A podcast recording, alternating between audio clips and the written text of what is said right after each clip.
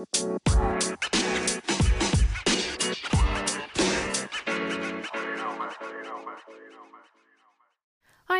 mijn naam is Janneke en welkom bij mijn Positief met Pubers podcast. De podcast waarin ik elke week vragen van ouders beantwoord over het opvoeden van pubers. Iets wat ik geweldig vind en waar ik gewoon heel blij van word.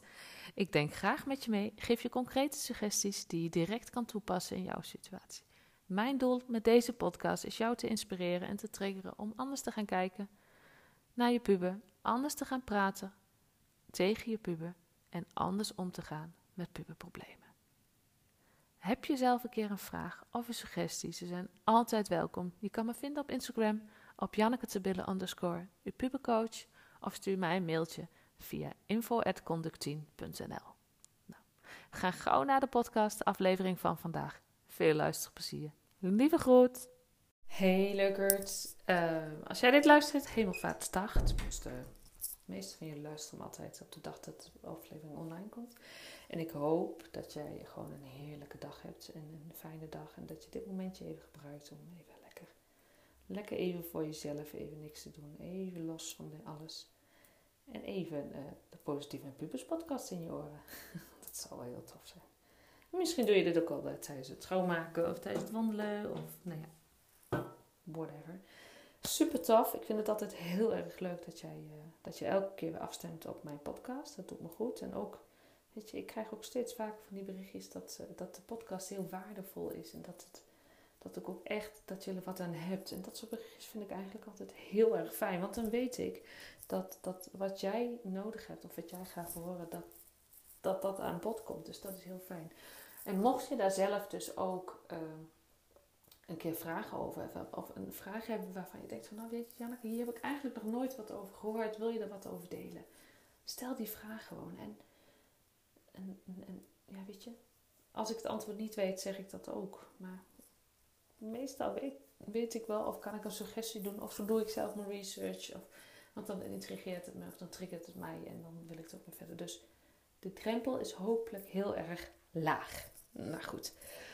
Uh, een leuk nieuwtje. Ik ga begin juni, oh nee, half juni is het, ga ik uh, het interview doen over, de, over trauma. Mocht je daar vragen over hebben, stel ze me even in de app, want dan, of in de DM of in een berichtje. Want dan kan ik die meenemen in het interview. Het is iemand die, ja, waarvan ik denk dat zij heel veel weten over trauma bij, bij kinderen, trauma bij pubers, trauma in het algemeen. Dus ik denk dat dat een hele waardevolle podcast gaat worden. Want ja, weet je, ik heb van haar geleerd dat, dat eigenlijk iedereen op zijn of haar manier wel een trauma heeft meegemaakt. En dat je elke keer weer geconfronteerd wordt met dat trauma. Elke keer als je jezelf weer ontwikkelt. Dus dat gaat in ieder geval een super interessant eh, interview worden. Dus uh, ja, hou de podcast gewoon in de gaten. Die, uh, hij komt, zodra die opgenomen is, zet ik hem zo snel mogelijk online. Dus dat gezegd hebbende, heb ik vandaag een opname uit de live die ik gedaan heb in de Facebookgroep. Want daar werd een vraag gesteld uh, door een moeder met twee zonen, een prepuber en een puber. Um, ja, het zien is dat, ja, de prepuber officieel. Um, en uh, de, de, de ruzie die ze soms hebben en hoe, de, allebei, hoe ze daar allebei mee omgaan. En, en ik heb daar wel eens een podcast over gemaakt, maar deze heeft toch nog een andere twist. Dus weer super interessant. En ik denk dat die heel herkenbaar is als je meerdere kinderen hebt. En uh, nou ja, ga hem gewoon luisteren. Um, ik verwijs in de, in de live naar een, een podcastaflevering. Deze zou ik even in de show notes zetten, in de, in de beschrijving van, de, van, de, van deze podcast. Mocht je die ook nog even terug willen luisteren, dan, dan heb je alvast de link uh, naar die podcast. Ik hoop dat je werkt. Ik zal ook het nummer er even bij zetten. Dus sit back and relax. Ga lekker achteroverleunen. Ga luisteren. Kijken wat het met je doet. En... Uh, ik wens jou nog een hele fijne dag. En we spreken elkaar later. Um, ik loop tegen het volgende aan. Ik lees hem voor en zal daarna uh, mijn reactie geven. Uh, ik loop tegen het volgende aan. Ik heb twee jongens, één van 10 en één van 12 jaar. En de mannen uh, kunnen echt gigantisch bonje met hebben samen. Ik had, uh, nou ja, dit schrijft nog gisteren. Ik had vanavond een meeting van mijn werk en zat dus even boven. En de mannen hebben ruzie gehad. Ik ben getrouwd en mijn man is vrachtwagenchauffeur en daardoor veel van huis. En s'nachts dus, uh, de mannen waren alleen beneden. En, oh, dus veel van huis, tot, uh, ook s'nachts. Dus de mannen waren alleen beneden. En dan kan de vlam in de pan slaan. En dan ook fysiek. Mijn zoon van 12 kan echt een waas voor zijn ogen krijgen en met spullen gaan gooien en schelden waar je u tegen zegt. Het euvel is wel dat dit vaak gebeurt als ik er niet bij ben.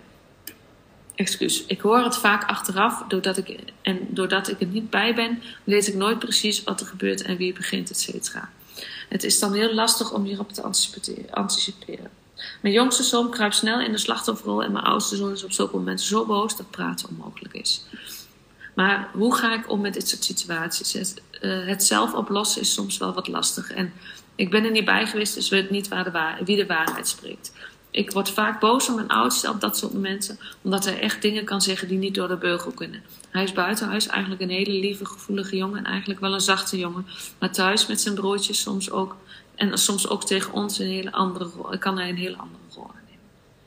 Voor nu heb ik het gelaten voor wat het was, niet boos geworden op mijn oudste zoon. Het was ook niet uh, net voor bedtijd. Dat geeft ruimte ze elkaar te, dat ze elkaar niet zien. Heb je tips? Want het is iets wat met zeer grote regelmaat voorkomt. Nou, ik begin weer even bovenaan. En ik zal stap voor stap uh, mijn, mijn, mijn tips erop geven. Uh, nou ja, goed. Uh, je begint erover dat je 10 en 12. Je moet je voorstellen, die van 10 die begint nu te prepuberen. En die van 12 die, die is al een echte puber, misschien is die van tien ook wel een puber. En dat, dat maakt het lastig, want zij, of lastig, uitdagend, laten we het zo zeggen. Uh, de een die is al, uh, die fase al doorheen, dus dat echt het, het, grenzen willen opzoeken, dat zit er nog wel.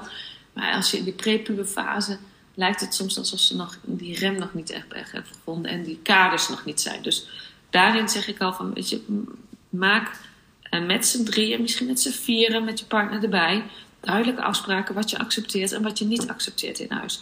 Wanneer ze dat van tevoren weten, wanneer ze weten van oké. En dit komt trouwens ook nog in uh, module 3 en later. Dus volgende week uh, komt het nog terug. Maar dan, dan weet je het nu alvast. Dus wanneer je met elkaar en met je partner apart, maar ook met je kinderen erbij bepaalt: oké, maar dit vind ik acceptabel gedrag en dit niet. En je hangt daar gerichte acties aan, dus eh, sancties, consequenties, hoe je ze wil noemen, maar gericht op die actie, dan zul je merken dat je pubers daarin uh, ook die discussie met jou niet aangaan. Dus, dus dat is één. En dit is even heel snel uitgelegd. Ik zal dadelijk even een. Uh, want ik heb daar een keer een, uh, meerdere podcastafleveringen aan gewijd. Dus ik weet niet of je mijn podcast hebt geluisterd. Maar, en ik weet het nummer niet uit mijn hoofd. Dus ik zal hem dadelijk even zoeken en even in de opmerkingen onder deze live de podcast zetten waar ik deze, uh, deze vorm met afspraken maken en gerichte acties eraan heel uitgebreid uitleg. Een andere situatie, maar de, kern is hetzelfde. Dus dat is alvast één. Nou goed. in principe moet jij, of vind ik, dat jij gewoon die meeting moet gaan doen. En ja, daar kun je afspraken over maken. En ja, wat, ik, wat mij intrigeert, wat me triggert, is die geeft aan, mijn zoon van 12 kan een waas voor zijn ogen krijgen en met spullen gaan gooien en schelden waar je u tegen zegt. Wat mij daarin triggert, en dat is ook wat in de volgende module heel erg aan bod komt, is uh, wat maakt dat, dat hij dit gedrag vertoont. En ik hoef niet, niet de hele geschiedenis te weten, maar vaak zit er een, een, een gedrag achter het gedrag. Er zit iets achter wat, wat je mag gaan onderzoeken uh, zelf, maar ook eventueel met je zoon. Van, misschien heeft hij die dag wat gespeeld op school, waardoor hij wat geïrriteerd is al. Uh, en, en heeft dus andere jongzoon zo net één ding gezegd wat hem wat dat emmetje deed overlopen voor die dag. Dus kijk of, of daarin wat speelt. En dit kun je, uh, nou ja, misschien zeggen, ik weet niet of je in die mogelijkheid bent, maar wanneer ze uit school komen, al even te kijken, oké, hoe komen ze binnen? Misschien werkt het werk met een stoplicht, rood, oranje en groen, waar ze zitten. Misschien eh, het eerste half uurtje even zelf een ding laten doen. Daarna even een gesprek van, goh, was je dacht. Uh, uh, wat was het leukste wat je hebt meegemaakt? Uh, zijn er nog dingen geweest die, die heel grappig waren? Zijn er dingen geweest die je geïrriteerd maakten? Ik weet niet. Is een suggestie. Kijk of het resoneert, kijk of het kan. Maar weet wel, als hij. weet je, vaak zit er een gedrag achter het gedrag. Is, het een, is er een trigger geweest waardoor je die, nou ja, en wat jij beschrijft, die waas ontstaat? En dat, dat is de moeite waard om te onderzoeken. En wanneer je zegt, van, nou weet je, dat er hoeft niet eens een aanleiding te zijn geweest. Dan kun je gaan overwegen, oké, maar uh, wat maakt dan, heeft hij er zelf last van dat dit gebeurt? En is dit alleen in de thuissituatie? Of is dit, gebeurt het ook op school of in andere situaties? Weet je, dat kun je gaan onderzoeken en vanuit daar kun je kijken: oké, maar wat is er nodig? Wanneer het bijvoorbeeld alleen in de thuissituatie is, kun je gaan kijken: oké, maar wat, uh, wat, wat gebeurt er dan die hele dag? Dat jij thuis uh, zo reageert. Want dat schrijf je later in je mail ook, dat hij na, uh, hoe schrijf je dat? Ik moet even terugzoeken. Dat hij dat buitenshuis eigenlijk een hele lieve, gevoelig en uh, gevoelige jongen is, eigenlijk wel een zachte jongen is. Maar thuis met zijn broertjes soms ook tegen ons uh, kan een hele andere rol kan aannemen. Daarin kan het ook zijn dat hij misschien, maar dat is nu even een invulling, ik ken de situatie niet goed genoeg, dat hij overdag heel veel prikkels binnenkrijgt die hij niet goed kan filteren, die niet goed kan ventileren. Waar, ja, wat er op een of andere manier toch uit moet. En dat dat dan op deze manier gebeurt, dat hij die waas ogen krijgt. En nou ja, dingen doet waar hij misschien achteraf ook spijt van krijgt. Dus inderdaad, ik, ik, ik, ik, snap heel goed dat je het nu gelaten hebt voor wat het is. Maar kijk op een rustig moment wel met hem naar: oké, maar wat heb jij daarin nodig? Uh, gebeurt er iets gaandeweg de dag? Is het een oploop van al die prikkels? Onderzoek dat eens met elkaar. Want dat kan je heel veel antwoorden geven. En uh, ja, weet je, waar de twee vechten hebben, twee schuld, denk ik altijd. Dus het is niet, ja, je geeft aan, eh, ik word dan vaak boos op mijn oudste, om dat soort momenten. Omdat zij dingen kan zeggen die naar de beugel kan. Maar kijk je dan ook niet in die jongste, hè? Want ik zie het bij ons thuis ook gebeuren. Mijn, mijn oudste is wat, wat is een dochter, een meisje die wat, wat ex, uh, extraverter is. En onze, de jongste is wat introverter. En, en mijn, mijn jongste, die staan soms wel heel geniepig. En die kan hele kleine steekjes uit, uitzetten naar de oudste. Waardoor mijn oudste op een gegeven moment ah! dat ze in één keer uitvalt. Dus kijk ook in de rol van je jongste. Wat is die? En onderzoek dat eens. En ja, het is lastig dat je het niet bij bent. Maar dat neemt niet weg dat, dat die jongste daarin ook een aandeel heeft. Ja, en het is natuurlijk heel makkelijk om in die slachtofferrol te stappen. Als jongste zijn. Want ja, want dat heeft altijd gewerkt, dus waarom zou het nu niet werken? Maar kijk, kijk ook wat, wat daarachter zit. Uh, en nodig jezelf uit en je puber uit, om, je prepuber in dit geval, ook uit om, om dat te onderzoeken. Dat, dat dat ook wel een heel interessant is. En uh, die gaf ook in diezelfde zin aan. Mijn jongste zoon kruipt snel in de slachtofferrol. Mijn oudste zoon is op zulke momenten zo snel zo boos dat praten onmogelijk is.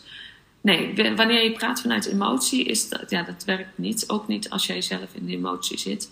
Dus geef naar, naar je oudste aan van, weet je, um, ik geef je nu de ruimte om even tot rust te komen. Wat heb jij nu nodig? Um, ik kom over een half uurtje bij je, of uh, kom over een half uurtje even bij mij. Maar meestal, ik kom over een half uurtje bij je, want ik wil even jouw verhaal horen. Ik wil even weten wat er is gebeurd en hoe jij erin staat. Dus dat je hem daarin wel serieus neemt en niet gelijk. Uh, aanspreekt op zijn gedrag. Maar dat je hem serieus neemt als persoon en dat je graag zijn verhaal wil horen, omdat je dat belangrijk vindt, omdat je hem belangrijk vindt. En in die tijd dat hij zijn rustmoment pakt, kun je dus met de jongste in gesprek gaan. Uh, en met hem kijken, oké, okay, wat is mogelijk. En mogelijk is die slachtofferrol ook een reactie uit emotie. Hè? Want dat is die drama driehoek, is ook een emotie. Dus dan kun je ook gaan kijken, oké, maar wat, hoe, hoe gaat dat? En, en wat is daarin nodig? En maak ook duidelijke afspraken daarna. Ook weer in rust van oké, wanneer ik een meeting heb van het werk, verwacht ik van jullie dit en dit en dit. Uh, weet je, een discussie is prima, maar kijk in wat, wat daarin haalbaar is. Even verder. Even kijken.